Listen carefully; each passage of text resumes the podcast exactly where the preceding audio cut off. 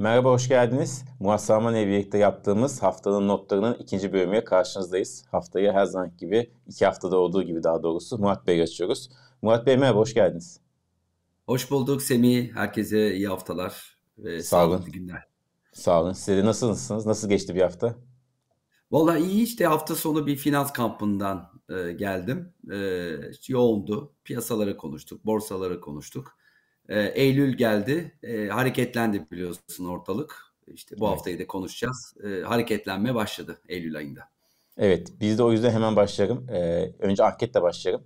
E, seyircimize bir anket sorusu yönelttik YouTube'dan. E, şimdi onun sonuçlarını göreceğiz. Sorduk ki bu hafta en çok neyi takip edecek piyasalar diye e, sorduk ve dört şık verdik. Fed'in faiz kararı, e, Merkez Bankası, Türkiye Cumhuriyeti Merkez Bankası'nın faiz kararı, Türkiye-ABD-Rusya ilişkileri e, çok gündemde, siyasetin gündeminde ve en sonunda dolar ve borsa dedik.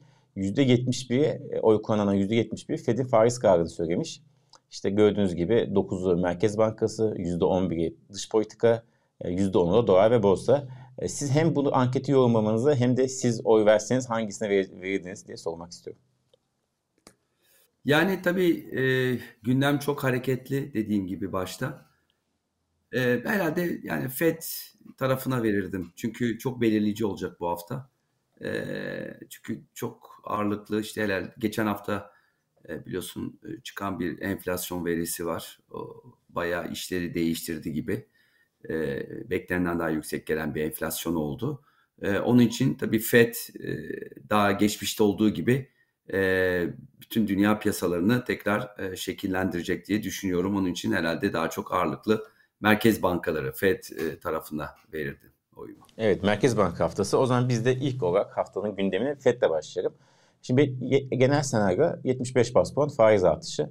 Yani siz ne bekliyorsunuz? Merkez FED sizce şaşırtır mı yoksa piyasanın genel beklentisine uygular mı? Tabii şimdi e, bu Fed'in 5. E, faiz artışı olacak. E, daha önce 25 ile başladı. E, işte 2018 yılından beri ilk faiz artışıydı. E, daha sonra 50, sonra da 75-75 yaptı ki son toplantısında hatırlarsın yani 100 de yapabilirdi ama 75 ile yetindi ki piyasalar bunu çok iyi yorumladı. şu anda tabii çıkan yüksek bir enflasyon var. Yani 8.5'ten inse bile 8.1 bekleniyordu. 8.3 çıktı ama az da olsa yine enflasyon aşağı doğru e, gö- görünüyor. Fakat e, e, yıl sonuna kadar bugün dahil 3 e, toplantısı var. Yani bu hafta dahil 3 toplantısı var. E, işte e, Eylül, işte Kasım ve Aralık sonu. E, ben 75 yapabileceğini düşünüyorum. E, şu anda 100 baz puan %25 ile 30 gibi bir fiyatlanma görülüyor. E, bu sabah da baktım. E, ağırlıklı 75 bas puan şeklinde.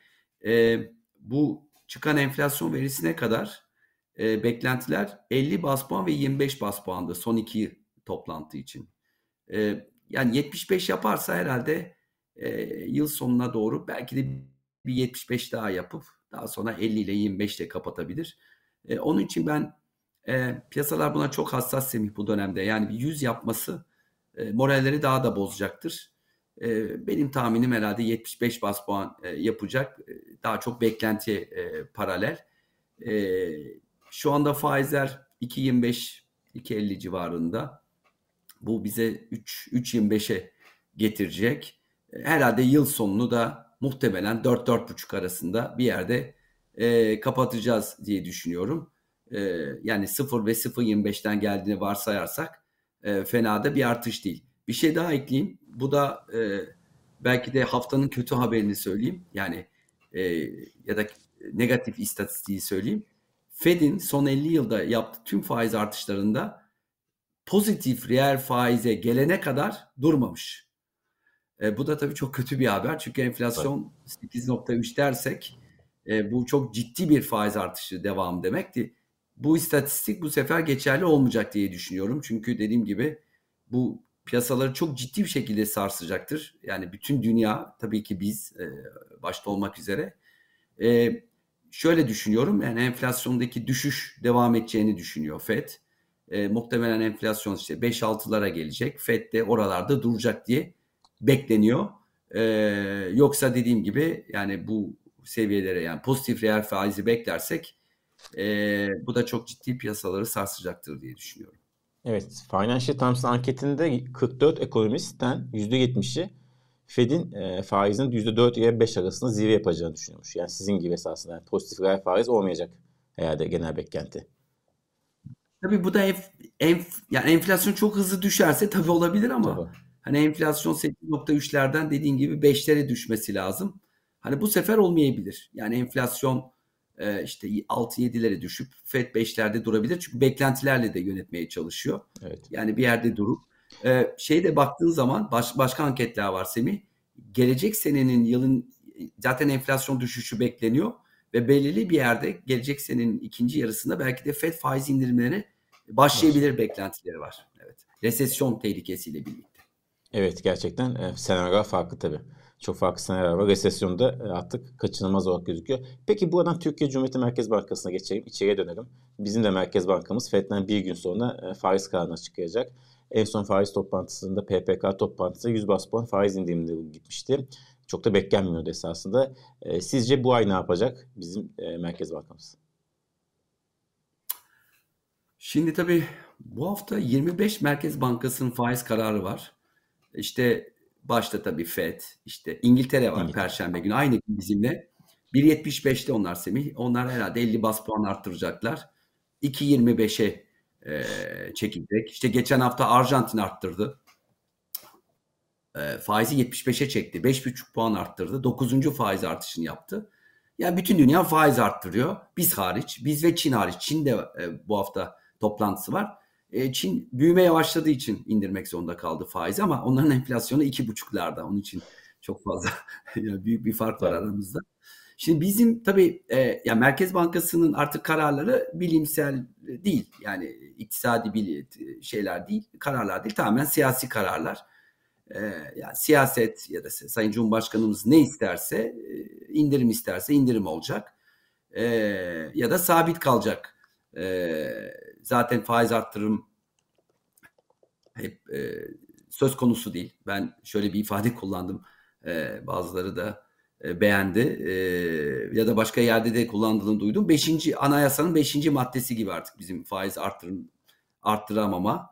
E, bir şekilde faiz artmıyor. Değişmiyor. Yani e, faiz indirimi söz konusu olabilir bu arada. Ya anketlerde çoğunda biliyorsun sabit kalacağı yönünde ama ya ben bir 100 bas puan indirirse de çok şaşırmam. Ee, yani 12'ye çekebilir faizleri. Ee, çünkü yani niye 100 bas puan indirdik? Ee, niye duruyoruz o zaman? Ee, diye sorular gelecektir. Ee, tabii beklenti e, an, an, bank beklentileri ve beklenti anketleri bu arada tabii beklenti anketlerinde değişimler oldu biliyorsun Merkez Bankası'nın. Ee, birkaç kişi e, çıkarıldı ben dahil. Ee, ki yani Murat Bey size bir gerekçe, yani, gerekçe söylendi mi size? Ve kaç senedir o anketteydiniz? Kaç senedir onu? Bayağı yıldır ya. Çok bayağı oldu yani. Yılla hesaplayamıyorum ama bayağı oldu ve düzenli e, dolduruyorduk. Ben değil bir sürü önemli büyük bankaların da ekonomistleri e, çıkartılmış. E, 2013'te galiba 90 kişi varmış. Şu anda 40 kişiye inmiş. Zaten çok da büyük tesadüf mü diyelim. Biliyorsun e, geçen cuma açıklanan e, beklenti anketinde e, enflasyonda düşüş görüldü ankette. Burada da düşüş görüldü. Bu da çok büyük bir tesadüf diyelim. E, ben genellikle tabii çok o gerçekten objektif olduğum için ve e, yani bizim danışmanlık şirketi olarak hani e, e, yaptığımız tahminler tamamen objektif olduğu için ben tabii tahminler biraz daha yüksek kalıyor olabilirdi. Yani enflasyon olsun, kur olsun. E, ama dediğim gibi tesadüfen e, anket, e, beklentilerde aşağı indi. Bu beklenti yönetmek dediğiniz şey böyle bir şey değil esasında değil mi?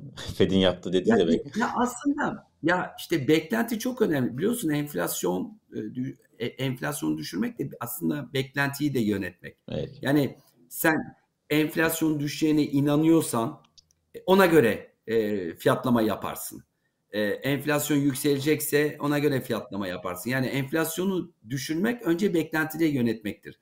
Şimdi e, beklenti anketinde 40 kişi bence 84 milyon ülke için çok az diye düşünüyorum. Yani bunun çok daha fazla olması lazım. Başka ülkelerde baktığımız zaman Bu anketlere çok daha fazla insanlar katılıyor. E, ve bu aslında anketler dediğim gibi e, hem Merkez Bankası için hem piyasa için beklenti yönetmek için çok faydalı. E, onun için bugünkü işte bu haftaki toplantı yani pas geçerse kimse şaşırmayacak.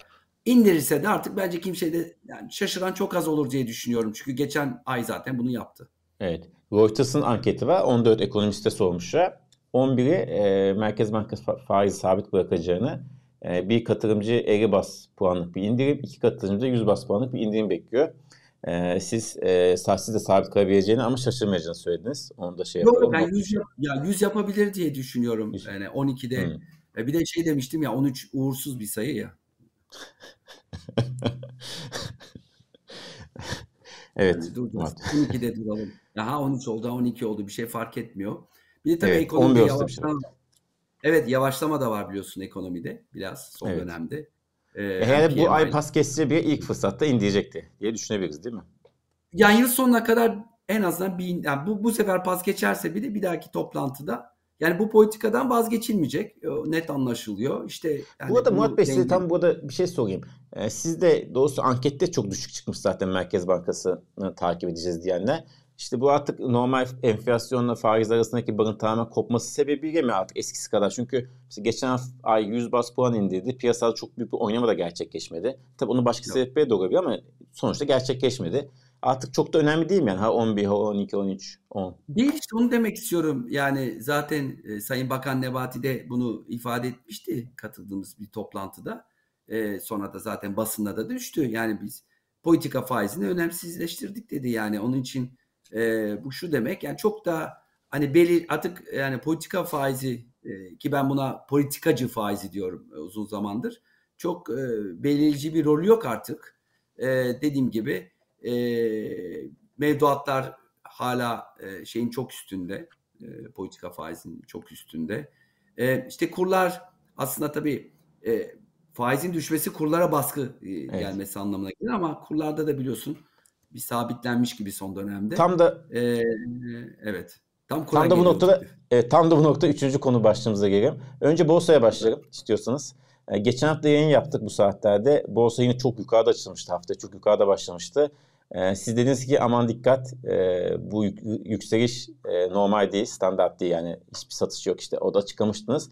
Ve biz programı 12'de yayınladık. Birkaç saat sonra 3-4 gibi çok sert satışlar başladı ve tüm hafta sürdü yaklaşık zirveden %10'dan fazla değer kaybetti gördüğü zirveye göre şu an itibariyle. Bugün de haftaya yatay başladı. Ee, hem geçen haftayı hem de bu hafta ne olabileceğini soruyorum size borsada.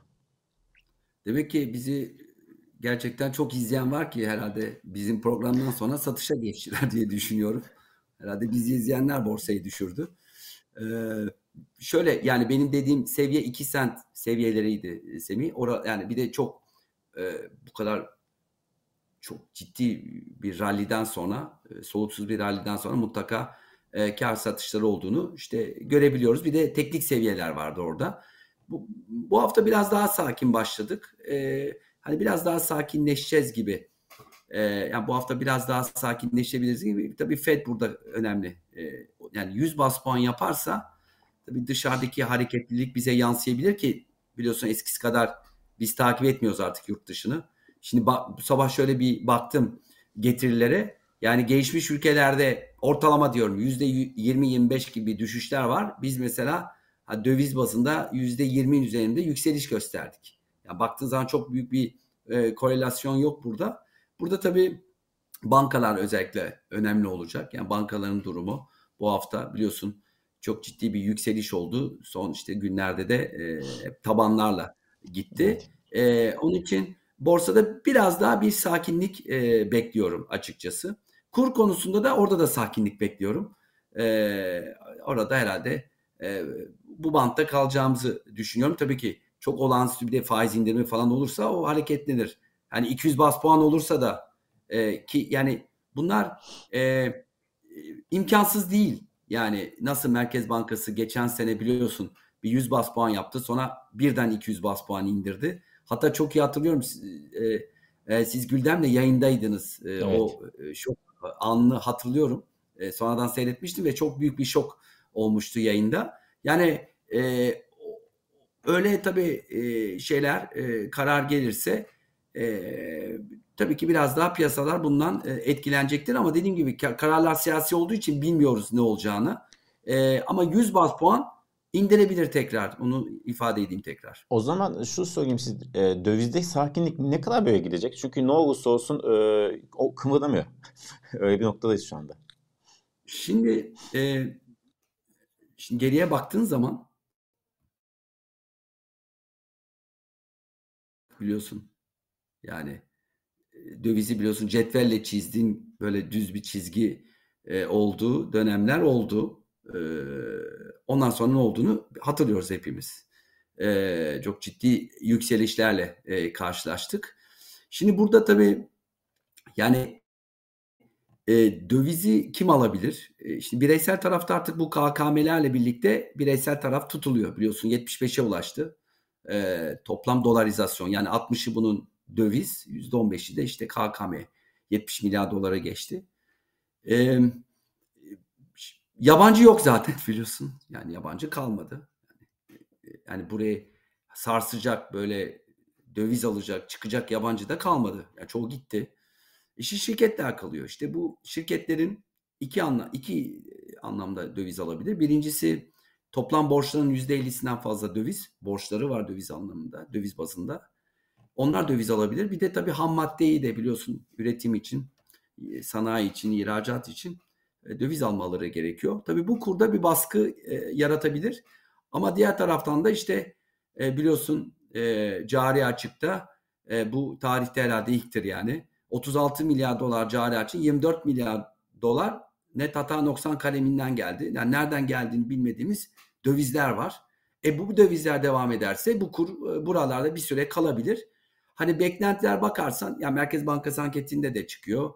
Diğer böyle e, be, anketlerde beklentilere sorduğun zaman sanki 19,5 20'ye yıl sonuna göre kendini herkes ayarlamış gibi e, gözüküyor. Yani o buralarda bir süre kalabilir. Ondan sonra da bir yukarı e, adım atabilir diye diyorum e, en azından yıl sonuna kadar. Bir seyircimiz de anketin arkasında altında sorun söylemiş. Enflasyon çok, çok altında kaldı dövizdeki artış diye. E, gerçekten de öyle.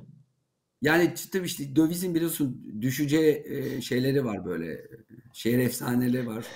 Bu kadar para gelecek değil mi? Milyar dolarlar. En, en büyük 55 milyar doları duydum. 20 gelecek. 30, 50, 55.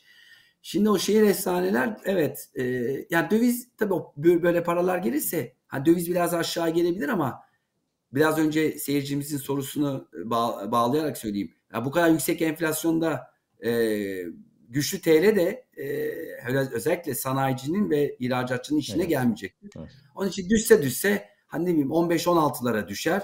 E, oralarda kalır tekrar evet. da yukarıya gider diye düşünüyorum. Evet. Son olarak artık süremizi de doldurmak üzereyiz. E, son başlığa geleyim. E, dış politika. E, biliyorsunuz e, işte, e, Cumhurbaşkanı Erdoğan Şangay İş Bir Örgütü'ye görüşmedeydi geçen hafta. Toplantısına katıldı. E, şu anda New York'ta. Yarın da Birleşmiş Milletler'de konuşacak. E, işte Şangay Beşisi'ne katılabiliriz açıklaması geldi. Şimdi Amerika'da tam onun diğer kutupta. E, nasıl görüyorsunuz? Ya, siyasi olarak yolundan ziyade e, bunun e, piyasa üzerinde, piyasanın bunu nasıl algıladığı, e, bunun nasıl ne gibi Türkiye'ye yansıma olur sizce? Ya Semih şu anda piyasanın böyle bir fiyatlaması yok bununla ilgili. Çünkü çok yeni. Ya ben şunu görüyorum çok uzun yıllardır yani belki de 20 yıldır böyle bir hani Avrupa ile ABD ile böyle bir sıkıştığımız an bir şey olduğu an arka cepten hop Şangay işbirliği ya da Şangay eski beşlisi çıkıyor. Yani bu hep geliyor önümüze. Değil mi? Yani uzun yıllardır hani evet. bir Şangay geliyor. Ya işte Gidiyor. girebiliriz, edebiliriz falan filan. Sonra hop kayboluyor. Sonra bir daha geliyor. Şimdi bu bir daha önümüze geldi. Ama bu sefer çok farklı. Daha önceleri olmamıştı. E, hedef dedik ilk defa. Yani bizim hedefimiz oraya girmek dedi. Sayın Cumhurbaşkanı tabii bu bu ilk defa oluyor. E, ama tabii e, daha önce de söylenmiş sözler var, vazgeçilmiş e, sözler var falan. E, tabii yani şimdi kısa vadede değil. Ama orta uzun vadede tabii çok farklı bir e, konumda. Yani biz Avrupa Birliği'ne hedeflemişken şimdi işte Çin'in, Rusya'nın işte biliyorsun 9 e, ülke var. Hani oraya girmek tabii çok farklı bir görünüm Türkiye için. E, söyle bir şey söyleyecektin. Bir, bir de tabii Rusya-Ukrayna savaşı var, Putin var. Eskiden onlar yoktu şimdi bu sene artık o da var. Şimdi Ambargo bu, bu da var. Yani yani bu sefer işte e, selam da söyleyelim. E, Erdal Sağlam'ın e, videolarını işte Cuma günkü izleyen bu yaptırımlara çok önem veriyor son dönemde. Herhalde en çok önem veren e, Erdal abi bu evet. yaptı. Ya bu tabii yaptır yani bu tür şeyler tabii yaptırımı da e, hızlandırabilir. Hani bizim ekonomik olarak Semih e, son cümlelerim olsun. E, Avrupa ile çok iç içeyiz. Yani ben hep söylerim. Ya bugün gelen doğrudan sermayenin hala %55'i 60'ı Avrupa'dan. Bo bankanın borçlanmasının belki de üçte ikisi hala Avrupa bankalarından. Bir de sen ürettiğin malın yarısını Avrupa'ya satıyorsun. Yani sen, sen Avrupa ile iç içesin şu anda ekonomik olarak. E ABD ile çok önemli ilişkiler var. Hatta böyle bir söz vardı. ABD ile olan istikrar işte siyasi istikrardır falan. Yani ABD olan ilişkiler de çok önemli Türkiye e, ekonomisi için ve Türkiye dış politikası için. Şimdi bu bambaşka bir şey tabii. E, çok kısa vadede bir şey olacağını düşünmüyorum ama hani bu iş gerçekten ciddiye binerse ki çok düşünmüyorum. Belki de çünkü seçim var. E, yani bu çok uzun vadeli bir e, şey, e, bir plan. Onun için kısa vadede değil, orta uzun vadede tabii ki e, piyasalara e, ve Türkiye'yi etkileyecektir diye düşünüyorum. Çok teşekkür ederiz Murat Bey. Bu haftayı da sizinle açtık. Çok sağ olun. Çok teşekkürler. Yine hatırlatırım e, soru yorumlarınızı bekliyoruz. Yine bir anketimiz olacak haftaya. Yine onu da e, cevaplandığımızı rica ederim. Başka bir şey var mı Murat Bey haftanın açılışında? E, herkese e, iyi haftalar. Haftaya görüşmek üzere. Tüm ekibe selamlar. Üzere. Çok teşekkür ederim. Siz bize selamlar. Sağ olun.